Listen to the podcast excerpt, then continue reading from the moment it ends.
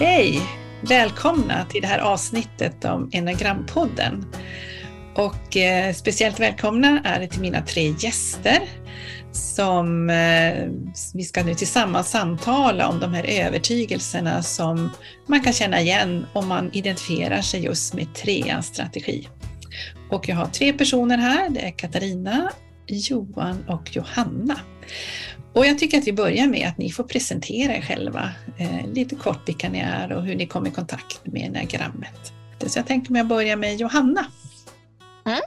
Johanna Linde heter jag, eh, 35 år och eh, jag kom i kontakt med enneagrammet för fyra år sedan när jag började jobba i Grästorps kommun. Eh, det var nästan från första dagen att man fick eh, eh, lov att göra en eh, analys, en test först hos analyssamtal eh, och sen så jobbade man på med diagrammet inom organisationen. Och jag har också fått möjlighet att gå eh, de här fem stegen på Enneagramcenter och blivit diplomerad eh, Enneagram practitioner och fått använda det lite i, eh, i mitt arbete också, vilket är väldigt kul. Mm. Katarina? Ja, Katarina Glas heter jag. 59 år och jag kan faktiskt inte minnas när jag stötte på enneagrammet första gången. Det är säkert snart 20 år sedan första gången jag gjorde en eh, analys. Och sen, sen föll det i glömska lite och sen när jag jobbade inom folkbildningen så kom jag i kontakt med det igen och har också gått alla de här kurserna och haft otroligt stor glädje av enneagrammet både i livet och i jobbet. Jag jobbar nu i Svenska kyrkan med de sociala frågorna där. Mm, tack. Så Johan? Ja. Mm. ja, jag heter Johan Lind, är 45 år, gift och har tre barn. Eh, jag är vd för ett eh, mindre teknikföretag och ehm, jag kom i kontakt med enneagrammet via min fru de gick en kurs eh, hos er och de tipsade mig om att eh, eh sätta mig in i eh, de olika strategierna och det har hjälpt mig jättemycket både privat och i yrkeslivet. Mm. Ja, vi ska ju prata om de här övertygelserna då som ni har fått ett blad och de här övertygelserna det är ju eh, som vi pratar om, så här omedvetna sanningar som styr oss som man kan hitta bakom varje strategi. Och det är inte säkert att man känner igen sig i alla och det är inte heller, utan vi pratar om de som ni känner igen er i och sen kan det finnas någon ytterligare övertygelse förstås. Det finns ju många som vi inte har med på den här listan, men det här, det här bladet är ju från människor som vi har jobbat med och som, som känner igen sig i de här sakerna. Så jag tänker att jag läser upp de här övertygelserna för er som lyssnar som inte kan ha dem framför er. Eh, och sen så pratar vi om de här. Den första då låter så här. Det man gör måste gå att mäta för att räknas. Jag är vilsen utan mål och planer. Jag måste leverera och prestera för att ha ett värde. Det är viktigt att jag får bekräftelse för det jag gör. Att misslyckas är inte ett alternativ. Känslor kan ofta vara i vägen. Jag måste leva upp till min roll och möta andras förväntningar. Och till sist, jag kan styra hur andra uppfattar mig. Då får ni, någon av er börja. Vad är det som, är det någon här som ni känner extra sticker ut eller? Katarina? Ja, ja, men jag kan börja. Jag, jag, jag fastnar direkt. Den tydligaste för mig det är den här i mitten ungefär, att misslyckas är inte ett alternativ. Mm. Eh, och det har varit så, så bra hjälp för mig att få syn på att det är så för mig, att jag hela tiden liksom undviker att misslyckas. Eh, för det kan ju hjälpa mig att våga liksom, ja, att hantera det på något sätt. Men det är väldigt tydligt att det är att lyckas som gäller. Liksom, med det man tar sig för och får i uppgift och så. Den är nog den tydligaste för mig av de här. Jag känner igen mig i de flesta. Mm. Jag skulle vilja haka på det om jag får, Katarina. För ett tiotal år sedan så var vi i USA och då köpte jag en kylskåpsmagnet helt utan kunskap om enneagrammet med texten “Failure is not an option” ett citat från Apollo 13-resan. Den köpte jag bara för att jag tyckte att det där var ett bra citat. oh, oh. Känner du också igen dig Johanna i den här? Ja, absolut. Eh, den är ju väldigt tydlig. Misslyckas är ju bland det värsta. Det vill man absolut inte göra. Mm. Men någon som jag kanske tycker stämmer ännu bättre överens det är den här att jag måste leverera och prestera för att ha ett värde. Och det, det märks liksom väldigt tydligt, särskilt i jobbet där jag behöver känna själv att jag levererar. Eh, det måste inte alltid vara att jag får bekräftelse för det från andra utan det, det, kan lika gärna vara att jag har satt en nivå själv som jag känner att jag behöver nå upp till. Eh, men det kan vara i, på fritiden också att ja, jag, vill gärna, jag vill gärna prestera och leverera annars så kan jag lätt bli lite nedstämd. Och, ja, så det är väldigt viktigt för mm. mig. Mm. Ja, jag känner mig också, också igen mig i den. Och, och jag upptäcker så här att det handlar mycket om min egen berättelse. Om jag berättar vad jag ja, om jag ska berätta någon eller om någon frågar hur det är så svarar jag ofta med vad jag har gjort, liksom inte hur det egentligen är utan vad jag har gjort. På något sätt. Ju, ju mer medveten man blir, ju mer kan man ju få syn på det där och tänka, nej men jag är inte det jag gör. Eh, men, men det är väldigt lätt att det kommer först, att presentera vad man har gjort. Vad säger du Johan om den? Jo, eh, jag håller med. Eh, prestationen är väldigt centralt och även sättet man presenterar på att inte bara prestationen i sig utan att man kanske lägger mer tyngdpunkt på sånt som har gått bra och mindre tyngdpunkt på sånt som har inte gått lika bra. Mm, mm. Jag kan ju till och med märka att jag, jag glömmer det som inte har gått bra. Alltså det, det finns, det, det, är liksom den, den vita fläcken, det är som att det inte finns. Liksom. Och inte medvetet, utan det är ett sånt fokus på det som har gått bra. Liksom. Och att förmedla det på något sätt. Så det andra, det måste jag anstränga mig mer för att också plocka fram. Mm. Mm. Betyder det också att, att ni, kan, att ni kan, alltså verkligen är duktiga på att bekräfta er själva också? Då? Nej, egentligen inte. Jag är väldigt sällan nöjd utan jag kan alltid lite bättre. Självbekräftelsen kan absolut eh, förbättras om det nu ens går. Eh, och det är väl kanske en anledning till att jag söker eh, bekräftelse utifrån för att jag själv jag vill veta om, om, om eh, saker som är utförda är tillräckligt bra. Mm. Och jag kan nog ofta, jag kan nog kanske tvärt emot dig Katarina, så glömmer jag gärna av det som jag gör bra istället.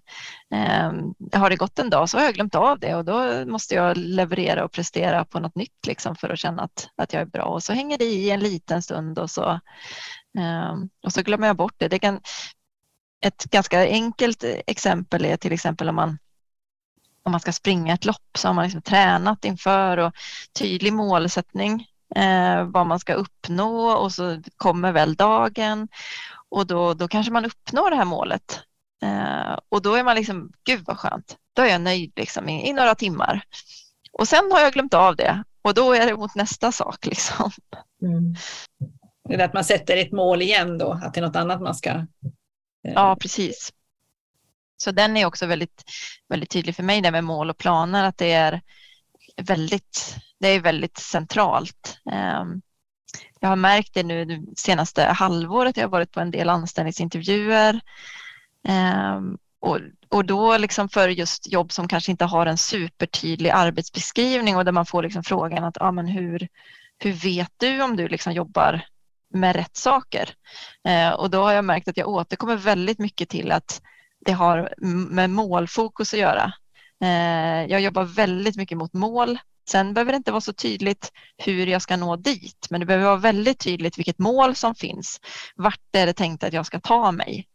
För att mm. annars har jag svårt att liksom med både motivation och engagemang. Men, men har jag ett tydligt mål då, då blir det mycket enklare. Mm, jag har lite annorlunda syn.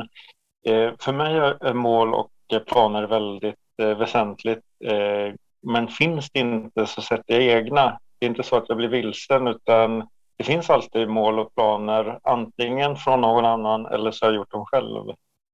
Mm, så, så gör jag också. Eh, dels det så har jag upptäckt sen jag jobbar mer med enneagrammet att jag alltid har sett till att det finns mål och planer eller jobbat i sådana organisationer där det finns och också vårdat det och om jag har haft ledande position sett till att det finns, att jag tidigare inte har förstått att alla behöver inte det här. Men, men jag nu också gör jag mina egna för att ibland är det, det blir för luddigt med de stora övergripande mål och sådär att jag, jag behöver egna planer parallellt liksom. Men kan det också ha att göra med kanske lite vilken arbetsplats man är på, vilken fas man är. Om man är helt ny så kanske man... Ja, men det tror jag. Och jag, jag som jobbar då har egentligen hela mitt yrkesliv i sådana här mer runda, fluffiga organisationer i civilsamhället som inte är liksom säljorganisationer så här, där det är väldigt svårt med till exempel mätbara mål. Mm. Ja, jag, jag har ju fått arbeta med det här att det liksom, ja men när vet man att man vinner, när vet man att man har uppnått målet när de är ganska liksom, luddiga. Sådär, att, att hitta ett förhållningssätt och bli nöjd i det. Och då skapar du dig någon slags eh, mål för dig själv eller på något sätt? Eller sätter Ja, jag tror att det, det kan vara min, liksom, mitt, eget stöd i det. Att det, inte tappa styrfart, att känna att jag är på väg, att det liksom inte står och stampar utan jag är på väg. Jag vet vart jag är på väg mot. Liksom. Mm. Så det verkar, det här med att, gå, att man måste ha någonting att mäta mot? Ja, den här första som säger att det man gör måste gå att mäta för att räknas, den har jag fått göra upp med, för det, går, det är jättesvårmätbart, liksom, det jag gör. Mm, mm. Eh, så, så att jag får hitta andra sätt att veta när är jag nöjd och när är jag, när är jag i mål. Liksom. Mm. Jag håller med Katarina där att eh, eh den första övertygelsen har eh, eh mattats av. Eh, det, var mer för kanske 15-20 år sedan när jag precis skulle mäta allting men nu går det att göra ganska många saker utan att mäta. Kan ni ge några exempel på vad ni mätte tidigare? Då? från privatlivet och eh, motioner, att motionera. Eh, varje gång jag var ute och sprang så skrev jag upp exakt hur mycket tid och om det var bättre eller sämre. Och, sånt. Eh, nu kan jag gå ut och motionera bara för att ja, rekreation. Mm. Känner ni andra igen det där? Har ni också, ni har också mätt tidigare? Men, ja, men alltså bara en sån sak som när elräkningen kommer, det tittade jag senast idag, genast jämföra med förra året och tänka att man ska hålla sig lite under förra året. Alltså allt som går sådär att liksom förbättra. Det, mm. det ligger liksom, det, det slår till, om man inte håller emot så slår det automatiskt till. Liksom. Vad säger du Johanna? Ja, jag håller absolut med Johan där om att mäta träning och, och så vidare. Och, eh, Ja, jag har väl inte riktigt kommit ur det ändå kanske. Jag håller fortfarande på och mäter. Mm, försöker inte lägga så stor vikt vid det, men eh, det, finns, det finns alltid ett resultat att, att titta på. Mm. Eh, jag bestämde mig för, Eh, för ganska många år sedan, för jag var som ung eller som ja, tonåren så var jag väldigt dålig förlorare innan dess också. Men då bestämde jag mig att jag väljer vissa tävlingar. De här är det okej okay att vara tävlingsinriktad i, men de här följande de struntar jag i. Jag ställer bara upp och det får gå hur som helst.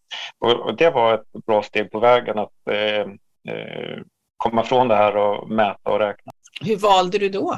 Vad var, vad var kriterien? Det var väl någon slags, eh, hur stor är sannolikheten att lyckas? Ja, ja, då kom det. Eh, det måste ha varit det. Eh, Mm. För det, eh, tidigare om jag liksom backar tillbaka till tonåren, eh, jag skulle vinna precis allt. Mm. Och så inser man att det inte går och då får man, precis som du säger, man får välja sina tävlingar. Och det är väl också lite typiskt tre, tänker jag, att man, man, man låter det bara vara en tävling om man känner att man har chans att vinna. Annars så ställer man inte kanske upp som en tävlande. För då finns ju risken att misslyckas. Det vill vi inte. Vad är det som är så jobbigt med att misslyckas? Ja, det hänger ju ihop, tänker jag, med övertygelsen om att leverera och prestera för att ha ett värde. Jag tänker att det är väldigt tätt sammankopplat med just värdet, liksom att ja, men om jag misslyckas då, då, då kanske inte jag får vara med i gänget. Liksom. Då är det ingen som vill vara med mig. Eh, det är väl det är någon slags grundrädsla, tänker jag, som, och som man kanske inte ofta tänker på, men det är nog ändå där någonstans det utgår ifrån om man rannsakar sig själv, att rädslan för att liksom bli utanför. Mm. Det är också en del av självbilden. Det eh, ingår inte i min självbild att misslyckas. Nej, jag tänker också det här som det står längre ner här om att leva upp till rollen och möta andras förväntningar. Att andra förväntar sig att jag ska misslyckas. Jag måste leverera på det. Liksom. det jag kan inte göra någon annan besviken. Mm. Det, det, är ju en del, men sen är det ju att man själv vill vara en som lyckas och inte en som misslyckas. Och, och vad som är farligt med det, jag, den frågan har jag ställt mig själv många gånger för att det är ju inte farligt att misslyckas. Det är ju oftast så man kommer vidare, liksom, att inte stå och stampa och kanske så man blir bättre också. Så att man behöver verkligen hitta ett svar på den där frågan, vad är det som är farligt med att misslyckas? Jag Men Katarina, eh, jag har en variant av det där. Jag tänker mig att alla i min omgivning förväntar sig att jag ska lyckas. Det är därför jag ska leva upp till det här. Ja. Eh, som jag tolkar det så menar du tvärtom, eh, eller? Nej, men jag tänker också så att alla förväntar sig det, men, men det är ju för att jag vill lyckas också som jag lägger på dem den förväntan att det är klart att jag levererar. Liksom. Mm. Ja, ja. då menar vi nog mm, samma. Mm. Mm. Så det där att alla förväntar sig att jag ska lyckas, är det då, hur vet man att det är så? Jag, tänk, man inte, det, man, det är bara ett antagande. Ja, jag, och jag tänker att man ofta liksom man är nog ganska bra på att ge den bilden av sig själv om man, om man tänker man hamnar i ett nytt sammanhang. Då har man ju, säg att man hamnar i ett nytt sammanhang med helt nya människor som inte känner en, då skulle man ju egentligen kunna gå in med en annan approach att eh, nej men jag är lite som vem som helst och jag kanske ibland går det bra, ibland går det dåligt. Men jag, jag tror inte riktigt att, eh, att man gör det utan att man liksom nej, man vill, man vill ändå lyckas och då, och då någonstans då, då lägger man de förväntningarna hos andra personer. Eh, mm. Det är liksom den rollen man spelar på något sätt. Mm. Eh, och sen har man målat in sig i ett hörn att då tror alla att man ska lyckas och då, då blir det ännu svårare att misslyckas för att då blir det också precis som Katarina sa där att man vill inte göra andra besvikna om man inte lev, genom att inte leva upp till deras förväntningar.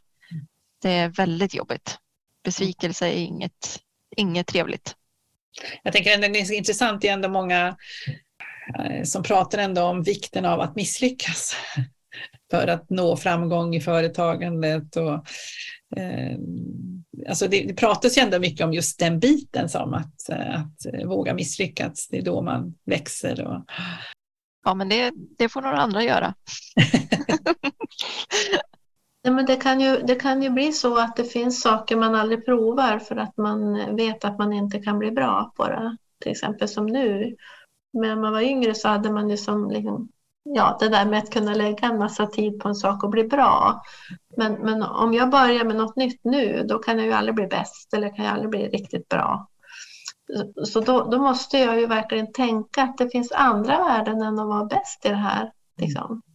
Eller bäst, men alltså att vara riktigt bra. Det, det, det finns värden. Jag kanske kan ha kul att vara en medelmåtta i det här.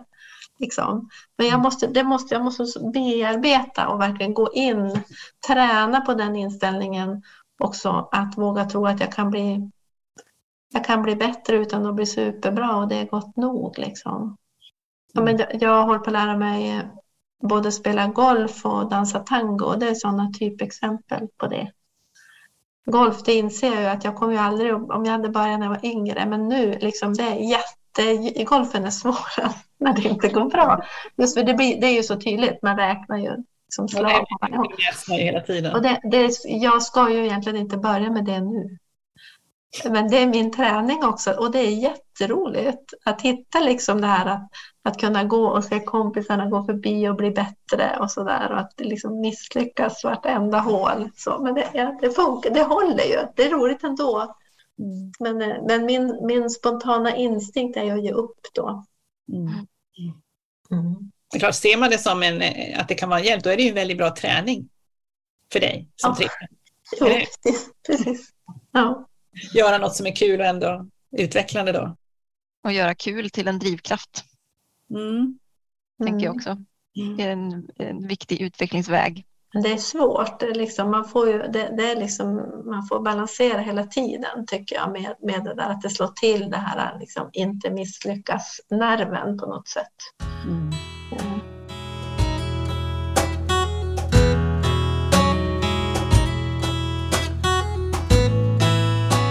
Är det någon annan av strategi, eller de här övertygelserna som jag tänkte på en sak där som Johanna sa, eh, drivkrafter. Det är någonting som jag har funderat på. Eh, vad är mina drivkrafter nu om, eh, om det inte ska vara att vinna och vara bäst? Mm. Framförallt då i ett professionellt sammanhang. Vad, eh, jag letar faktiskt aktivt efter andra drivkrafter och det är inte helt lätt att hitta. Så för dig är det att vinna eller vara bäst, det är det som du känner, det är det som du triggas av?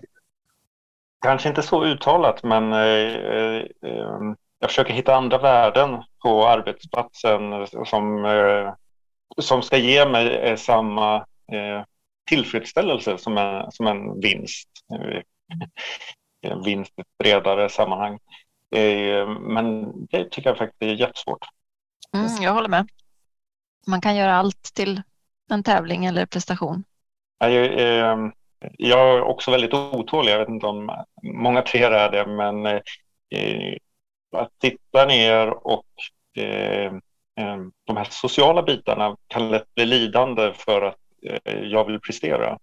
Och eh, eh mm, om man drar ner på det sociala på arbetsplatsen så är inte det så himla bra. Ja, jag behöver hitta andra drivkrafter eh, vid sidan om de som är eh, i min ryggmärg. Kan det höra ihop med övertygelsen om att känslor ofta kan vara i vägen tror du? Nej, inte nödvändigtvis. Det är bara, eh, jag sätter mig gärna på en fikarast eh, men fem minuter senare vill jag gärna gå tillbaka till skrivbordet medan andra kanske inte ens har tagit till kaffe. Då. Eh, så det är någon slags otålighet kopplat till prestation. Inte så här att känslor är i vägen, inte, eh, inte per definition så. Eh. Är det effektiviteten då? Ja, det är någon slags effektivitet. Nu är vi här för att jobba och prestera och det kanske bara jag som tycker det. Men det är klart att vi, vi ska sätta oss ner och ta en rast. Det är liksom självklart, men nu har vi gjort det. Nu, nu, nu bockar vi av den punkten på agendan. Precis. Och, och, rasten tar vi för att, för att vi ska vila upp oss så att vi orkar fortsätta jobba. Ja. Det finns ett mål även med rasten. Men, ja, absolut. absolut. Vad säger du Katarina då, som jobbar lite annan? Ja, jag försöker navigera i det där, för alltså mitt jobb nu, jag jobbar ju med kyrkans diakoni, med de människor som är som mest utsatta i Umeå och ramlar igenom alla skyddsnät och kommer till kyrkan. Eh, och att bygga upp sådana verksamheter. Och där, där måste ju personalen må bra och liksom varje möte måste ju bli bra för att det, människan ska klara sig själv och komma liksom till en annan, annat utgångsläge i livet. Det blir, dels är det svårmätbart som jag sa tidigare, men sen för mig blir det också, jag sitter längre på fikarasterna nu och det är för att det, det är liksom enda sättet att lyckas är att vi har liksom en stabil grund tillsammans i arbetslaget och att jag verkligen kan se att nu, nu har vi tankat hos varandra, nu kan man gå, gå ut och jobba igen på något sätt.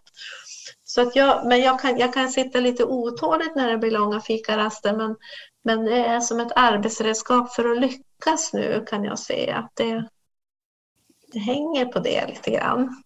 Eh, men jag har fått, jag, enneagrammet har hjälpt mig också, den där punkten som känslor kan ofta vara i vägen. Mm. Eh, det, förut beskrev jag ofta som att jag, jag går upp i mitt huvud, om det blir mycket, om det blir en konflikt, om det händer någonting, då går jag upp och, och löser det i mitt huvud. Men jag känner allt som händer med mina känslor. Men jag försöker hantera det intellektuellt bara med tankekraft. Och, och det där Enneagrammet har hjälpt mig att se att jag, eh, jag måste låta de här känslorna få ta plats hos andra. Jag kan liksom inte bara låtsas inte se det eller trycka bort det, utan, för då kan, det, då kan man misslyckas. Så att, att låta känslorna få ta plats så att det är liksom inte irrationellt. Eller, ja, det, det har jag fått träna upp mig i, för jag hade liksom ett helt livs träning i att om man ska prestera och leverera, då lägger man bort känslorna, då, gör, då är man logisk. Då gör man liksom, man vet sina mål och då levererar man på dem utan känslor. Liksom. Men det funkar inte på mitt, med mina arbetsuppgifter nu. Mm. En annan aspekt av den här otåligheten, jag har diskuterat med min mamma som är olik mig i vissa avseenden. Eh, hon föredrar små fester där, där man då kan sitta med två, tre personer och så prata riktigt på djupet. De fester som jag tycker är roligast, det är om det är 50, 100 personer och så träffar jag alla var och en, en minut var. Sen är jag helt färdig med den festen och är eh, klar. Det är jätteroligt. Nu går jag hem. Eh, eh jag vet inte om det är träningsstrategi eller bara min otåliga personlighet. Ja, vad säger ni andra?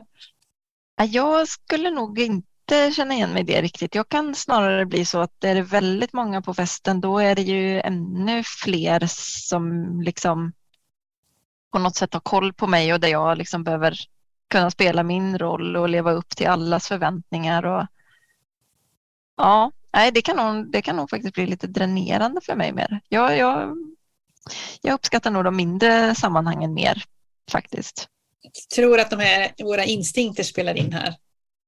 Faktiskt, att det blir lite olika, de här biologiska instinkter som ligger som ett raster. Eh, Kanske flygel också eventuellt.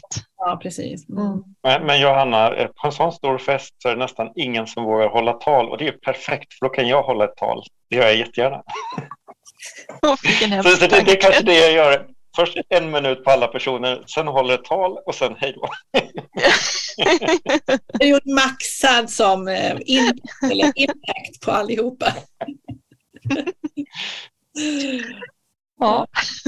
Ja, men jag, kan, jag förstår det precis Johan, vad, vad, du menar, vad det är du beskriver där. Att, eh, att de stora sammanhangen, det är som att det inte är riktigt fest om det inte är stort. Liksom. Men det, alltså, det, man vet det, det blir, ju, ju, mer man har levt med diagrammet så jag kan ha svårt att urskilja också för att jag tycker ju att jag kan se mig själv mer uppskatta de små sammanhangen nu än tidigare. Mm. Eh, verkligen. För förut kunde jag, eh, när jag var yngre kunde jag tycka att det var lättare att hålla ett tal eller liksom stå i talarstolen och det kunde vara ett par tusen, det gjorde mig ingenting. Men att sitta med den lilla gruppen i ett litet rum liksom att inte riktigt veta min roll i förhållande till de andra och vilken plats jag skulle ta och så. Det tyckte jag var svårare. Mm. Eh, nu kan jag nog vara i båda mer. Nu kan jag uppskatta båda. Ja, det låter ju som att är man i ett stort sammanhang då kan jag ju ha en roll eller en fasad och då kommer inte folk så nära mig. Mm. I det lilla sammanhanget så blir det ju mer intimt. Men jag tycker ändå det är intressant det du sa innan där, eh, Katarina, det där med att du Eh, har fått lära dig, när du jobbar i en helt annan organisation, det där med vad som ändå för, för det här med det sociala, vikten av det. Jag tänker också, det är också något som ändå pratas mer och mer inom ledarskap och så, att eh, jobba med de här värdena för att få människors max, också kreativitet, alltså man får människor att verkligen funka. Men hur tänker du på det Johan, som ändå jobbar i, i driver företag, eller du är företagsledare i alla fall? Jo, nej, men det är jätteviktigt. Eh, det är basen till att eh, det ska fungera. Eh, så det, det, det är någonting som, som behöver vara på plats. Men jag får anstränga mig, det kommer inte naturligt. Men jag vet att det är viktigt. Mm, mm. Precis, det är, det är något man får lära sig att människor behöver få komma med alla sina känslor för att det ska bli en så bra arbete som möjligt eller så bra samverkan eller vad det är för någonting. Men jag kan ju fortfarande känna att det är ganska ovidkommande. Jag ser, jag ser ju att de behöver få ha med sina känslor och jag låter dem ha det. Men själv kan jag tycka att det har ingenting med prestationen att göra eller leveransen eller, eller sådär. Känner ni alla igen att det här med stänga av känslor och åka upp i huvudet? Ja, ja, för mig är det tydligt så. Kan ni visa temperament då på jobbet? Kan ni bli upprörda, arga? Jo, det, det, det kan bli. Det kan det bli. Mm. Ja, nej, men jag tycker, jag, känslobiten håller jag inte riktigt med om. Jag har nära till skratt. Eh, jag kan också bli arg. Mm. Eh, kanske inte den här sårbara biten. Sårbarheten kanske jag stänger ute. Eh, men skratt och ilska, resten av känsloregistret tycker jag är öppet. Mm. tror jag eh, min omgivning skulle säga också. Och där är säkert lite olika som ni säger med vilken flygel man har. Och... Men att styra andra, hur, att hur, jag kan styra hur andra uppfattar mig. Jag var inne lite på det, men stämmer det? Är det så ni känner igen det? Men det, jag, jag tänker, ja, det var en sån där jag hajade till för den där, men jag tänker att det kan väl vara så att man, att man har lätt att uppfatta vad, vad är en leverans här, vad är, det, vad är det de vill ha och välja då det man levererar så att det blir liksom till belåtenhet på något sätt. Och på det viset kan jag tänka att man kan välja hur andra uppfattar mm. en. För att man väljer och, och, ja men det finns en flexibilitet i, i hur ska jag leverera det här så att det faktiskt blir liksom, enligt önskemål. Liksom. Och då är det inte bara så som jag vill leverera utan vad vill den här ha och att anpassa så. Lite street smart sådär så jag tänker att man, man, man kan beskrivas eh, med strategi 3. Att, eh, lite, lite som säljare eller man ska, man ska få med sig människor så vet man, då läser man av lite grann vad ja, det är för grupp. Precis. Så, så om det är det som menas med den där att jag kan styra hur andra uppfattar mig så, så tänker jag att på det viset så, så styr man ju eh, och ser till att man uppfattas som en som liksom, ja, men både har koll och kan, kan leverera det man har fått i uppdrag. Liksom.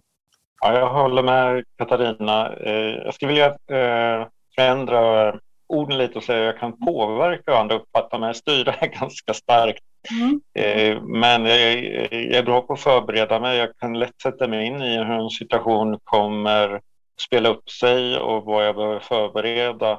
Och som Katarina är inne på, anpassa. Om mötet går åt ett oväntat håll så kan jag snabbt eh, förändra eh, och liksom, ja, anpassa mig till, eh, till de nya förutsättningarna. Mm. Och jag vill väldigt gärna kunna styra hur andra uppfattar mig. Ja. det är något jag jobbar hårt på. Att styra. ja. Men om man, jag skulle nog också kunna, om man skulle skriva om det så skulle jag säga att det är viktigt för mig hur andra uppfattar mig. Det är ju det är ett annat sätt att säga det. Liksom. Att, eh, nej men det, det är viktigt. En del verkar ju helt oberörda. Liksom. Det viktigaste är att få göra sin grej eller på sitt sätt. Eller det spelar ingen roll om andra blir sura eller tycker att man är dålig. Eller... Mm. Men, men, för mig är det viktigt hur andra uppfattar mig. Alltså, blir andra inte nöjda då det känns inte bra. Jag tror med den här på, påverkansbiten ligger nog ändå med ganska viktigt tror jag just det här att vi liksom kan, man är lite kameleont, man känner av läget och så ställer man om liksom. Så att man, man kan ändå påverka hur andra uppfattar den. Inte bara att det är viktigt det utan att man faktiskt kan det. Det som Katarina sa, eh, det kan slå mig på många möten både i yrkeslivet och privat att eh, jag blir förvånad över hur andra beter sig. Förstår inte de hur de kommer uppfattas? Det här är ju helt idiotiskt att säga eller göra. Hur kan de bete sig så? Det, det måste de ju inse att det är, det är på väg mot ett misslyckande.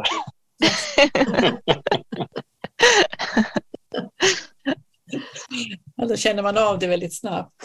Ja, nej, direkt. Alltså det här, oh, stopp, stopp, stopp. Det här är fel. Mm, mm. Mm.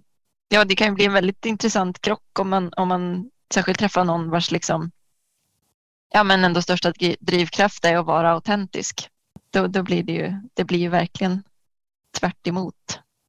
Jo, men när den andra personen då börjar prata eller börjar agera, jag känner ju av resten av rummet. Jag kan säga direkt att det här, det här faller i dålig jord, gör inte så här.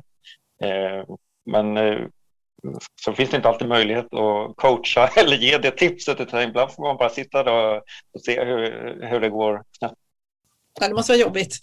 Framförallt om det kanske är medarbetare eller andra man har. Exakt, framförallt om det är medarbetare i eget team och sen är det ett externt möte. Det är inte alls bra. Eh, nu, nu tycker jag vi tar en eh, kafferast. Kan det bli så då att om det är medarbetare och de gör, då blir det också även ett misslyckande för mig då? Absolut. Mm. Huvudansvarig i slutet av dagen. Mm, mm. Ja, det är bra tips då. Nu tar vi en kafferast. Ja, precis. En sån där kort.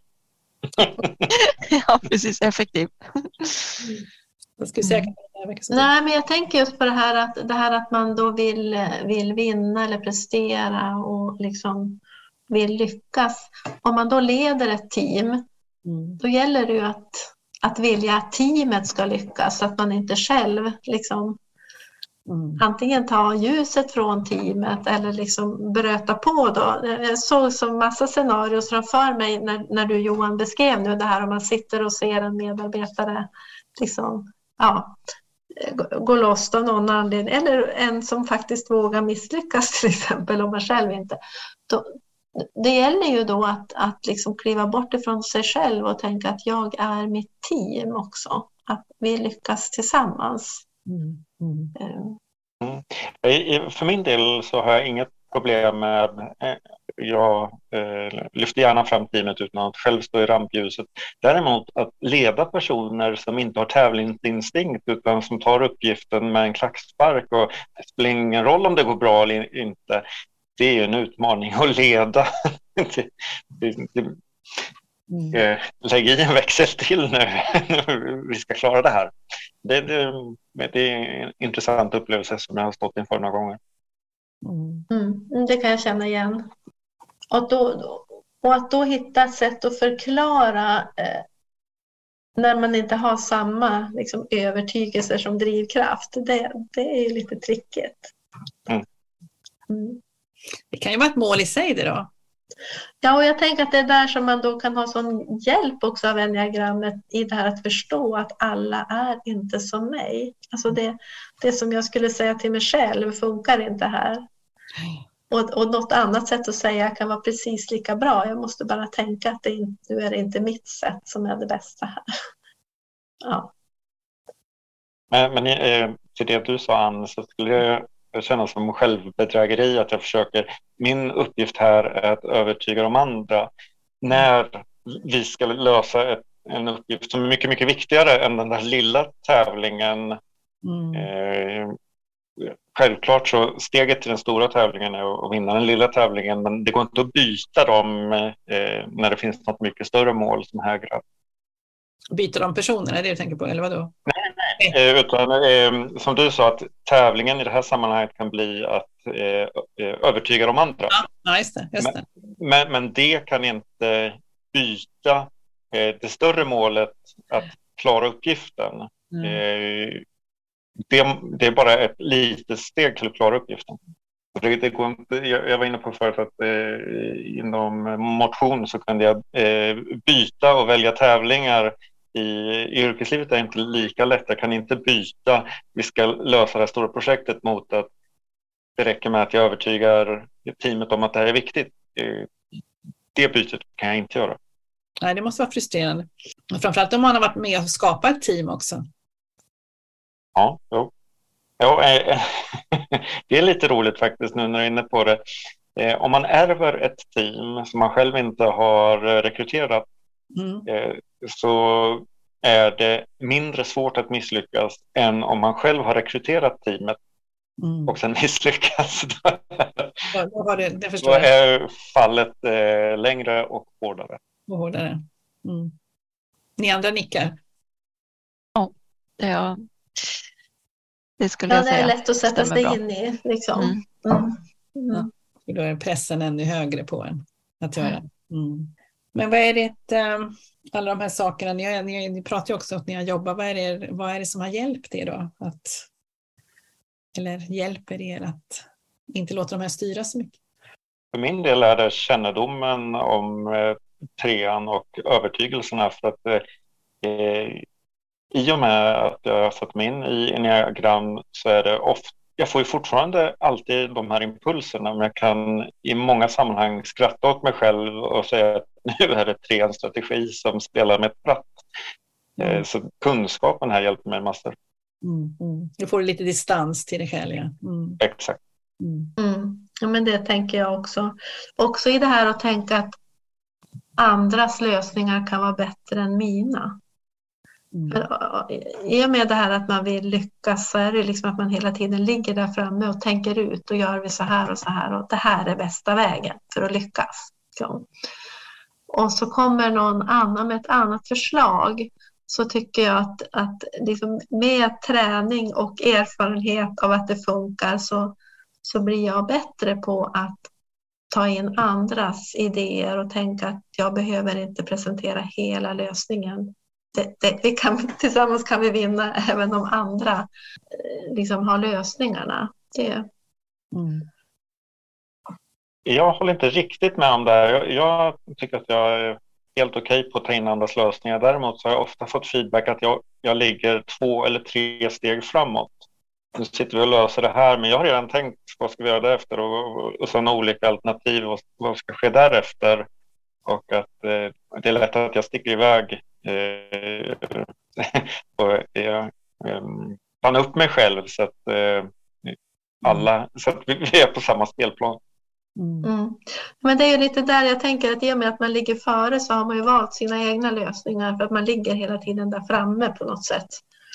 Så att då, att då kunna släppa in, okej, okay, nu ligger jag där framme, nu är jag på väg mot den här lösningen. Jag kanske ska släppa in och se någon annan som har något förslag här. Liksom, hur skulle andra ha gjort? Och det jag får syn på nu, som jag tror inte jag fått syn på lika tydligt förut, det är när andra har lösningar som är bättre än mina egna det kan jag liksom stanna upp och säga, men nu händer det igen. Jag samlar nästan på sådana när jag liksom själv blir överbevisad om att jag, jag inte hade smartaste lösningen på något mm. sätt. Jag vet inte om jag inte hann se det förut, men jag tycker att jag ser det oftare nu. Mm. Ja, för det känner vi igen det där du säger också Johan, när där vi har varit och jobbat med lite företag där det har varit tre chefer som är, att de är så snabba med att de är långt fram. Och det är ju svårt med medarbetarna. Att det blir... Ja. Jag, jag börjar tänka om lite här nu som Katarina var inne på att eh, eh, eh, plocka in andras eh, förslag. Jag lägger in den brasklappen att eh, förslagen som då presenteras som annorlunda än mina, eh, de måste snabbt övertyga mig och de får inte stinka över, vad ska man säga, hela uppgiften jag kan absolut köpa det, men då måste du vinna min övertygelse här och nu. Jag kommer inte sitta och, och lyssna länge på eh, förslagen. Men är det bättre, då lägger jag undan mitt. Det är inga problem. Men eh, här och nu måste jag övertyga mig. Det måste gå snabbt. Ja. Vad säger du Johanna? Vad har hjälpt dig? Ja, något som har hjälpt mig väldigt mycket är ju kunskap om de andra strategierna och vad de har för övertygelser. Eh, för då inser man ju också att Alltså med, med de måtten som jag mäter mig själv mäter inte andra mig. Mm. Eh, och då blir det liksom inte lika, lika jobbigt. Då behöver inte jag springa på i min liksom strategi för att det, det ger liksom ingen cred i alla fall. Eh, och det kan jag tycka är lite skönt liksom när man, om man ibland känner liksom att nej, men nu orkar jag inte liksom lyckas mer eller kämpa hårdare. Liksom. Då vet man ändå att ja, men andra har andra övertygelser och därmed liksom andra mått som de mäter med. Mm. Uh, och det, det tycker jag kan liksom, och det kan lugna ner mig lite grann. Mm. Det kan vara skönt tycker jag att tänka på. Mm. Är det något annat ni tänker på som utifrån de här övertygelser som vi har missat att prata om? Eller? Ja, det, det blir, kan ju bli rätt jobbigt för andra i ens omgivning med alla de här övertygelserna tänker jag.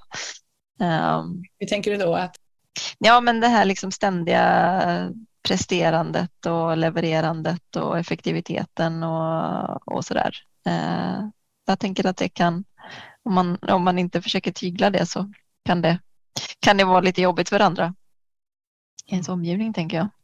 Mm. Så det är bra att, att, försöka ha lite koll på dem. Mm. Så är det absolut. Det var en period, vilket vi som tur var har, har vunnit nu, men eh, mina två äldsta barn, jag kunde inte komma på deras eh, eh matcher eller så, för då, bara min blotta närvaro störde dem. Att då kände de på sig att eh, leva upp till mig. Alltså, de blev stressade så att, eh, jag och min fru kom överens om att eh, antingen får jag titta på matcherna långt bort eller inte komma alls. Så det är absolut det Johanna säger, att eh, det, det, kan vara jobbigt för omgivningen att ha en trea nära sig. Ja, de kände att de var tvungna att prestera där. Pappa skulle inte vara mm. nöjd när de hade gjort sin prestation. Och, och, och jag förstår inte det. Jag, jag, de var unga och jag har liksom inte sagt eh, bokstavligen men liksom genom mitt sätt att leva så jag stressades. De, de, de gillade inte att vara på match när jag var där. Det är nog mycket där hur, hur man gör själv och hur man agerar. Sen har man inte samma krav på sin omgivning men det, det kan de missa ibland att man inte har. Att det, är mm. liksom, det, det är vissa krav för mig och sen är det andra krav för andra. Mm, där, där läser vi varandra mycket mer än vad vi tror. Alltså man känner in mycket mer. Eh, även om inte någon säger så är det någon slags eh, känsla man får där. Ja, då kanske vi ska avsluta. Om det inte är, någon, inte är något som ni... Nej, jag, jag, tänker, nej, men jag sitter och tänker att det blir lätt att man fastnar i vad, vad haken och alltså det man jobbar med är ju på något sätt det som, det som kan bli liksom eh, negativt i ens övertygelser på något sätt. Mm. Men, men jag kan också tänka att det är den här liksom ivern att lyckas och prestera, det är också Alltså det är många dagar i, på jobbet som i mitt team som det är jättebra. Just att jag lyckas liksom bana väg, se till att vi får plats, att vi får resurser, mm. att det syns det vi gör. Vi jobbar väldigt osynligt annars. Så där tänker jag att min strategi också hjälper till väldigt mycket. Mm. Eh, i, teamet. Att, liksom, att utan någon med den strategin så skulle vi inte, ja då skulle det fattas någonting. Mm. Så kan man säga. Det är jätteviktigt att du, att du tar det. Nu har vi bara pratat om det som håller, mm. som inte är så bra, men, men trean har ju, som alla säger, har ju en superkraft i just det där och att lyfta och framförallt och kanske när man jobbar i organisationer där det inte sånt är så, har varit så viktigt. Uh, men så desto ännu viktigare att, att det går bra, att man ja, hjälper människor och når ut och så.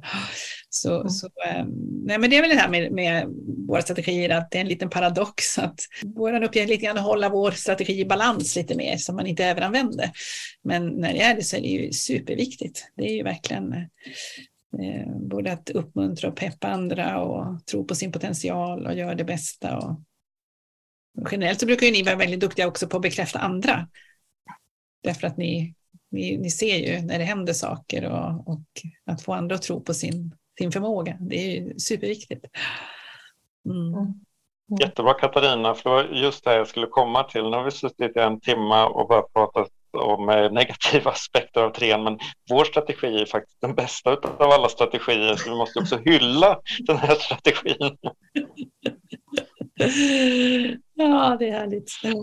Ja, men det blir ju lätt den här vinnarskallen att man får kämpa med den och liksom det är lätt att skratta åt och sådär. Men det är klart att det, det finns otroliga eh, fördelar med den också, rätt använd liksom, i balans. Så. Mm. mm. Det är där för oss alla. Ja, balans. Mm. mm. Mm. Och se vad, vilka andra sidor vi behöver utveckla eftersom vi mm. säger att vi ändå har tillgång till alla nio. Så att jag menar, det är också hur, hur kan de andra, för när, när vi börjar få tag i dem lite mer så blir det också, balanseras det upp. Um, så då fattar man ju att det jag gör för mycket är ju faktiskt inte bra, för jag negligerar ju helt den här sidan som också är viktig. Mm. Mm. Mm. Ja, men eh, då tackar jag er jättemycket för att ni ville vara med på den här podden. Tusen tack. Tack, tack så mycket Ann. Tack för trevligt samtal. Vi hoppas att du fick nya insikter och ny förståelse för hur det kan vara när man har den här strategin, trean, som mest dominant. Om du vill lära dig mer om enagrammet så finns dels vår bok Självinsikt, nyckeln till att utveckla dig själv och andra. Den hittar du på Adlibris och Bokus bland annat. Och eh, till våren kommer vi att fortsätta med våra kurser. Steg 1 i slutet på mars. Du får gärna titta på vårt kalendarium och det hittar du på enneagramcenter.se. Och om det fortfarande är i början på december 2022 så har vi en öppen föreläsning den 7 december. Så att om du lyssnar på det här innan dess så är du varmt välkommen att anmäla dig till den. Det är en introduktionsföreläsning där vi kopplar ihop enneagrammet med något som kallas för Inner Development Goals som är ett eh, väldigt spännande Eh, incitament och eh, projekt som vi berättar mer om då. Ha det bra! Hej då!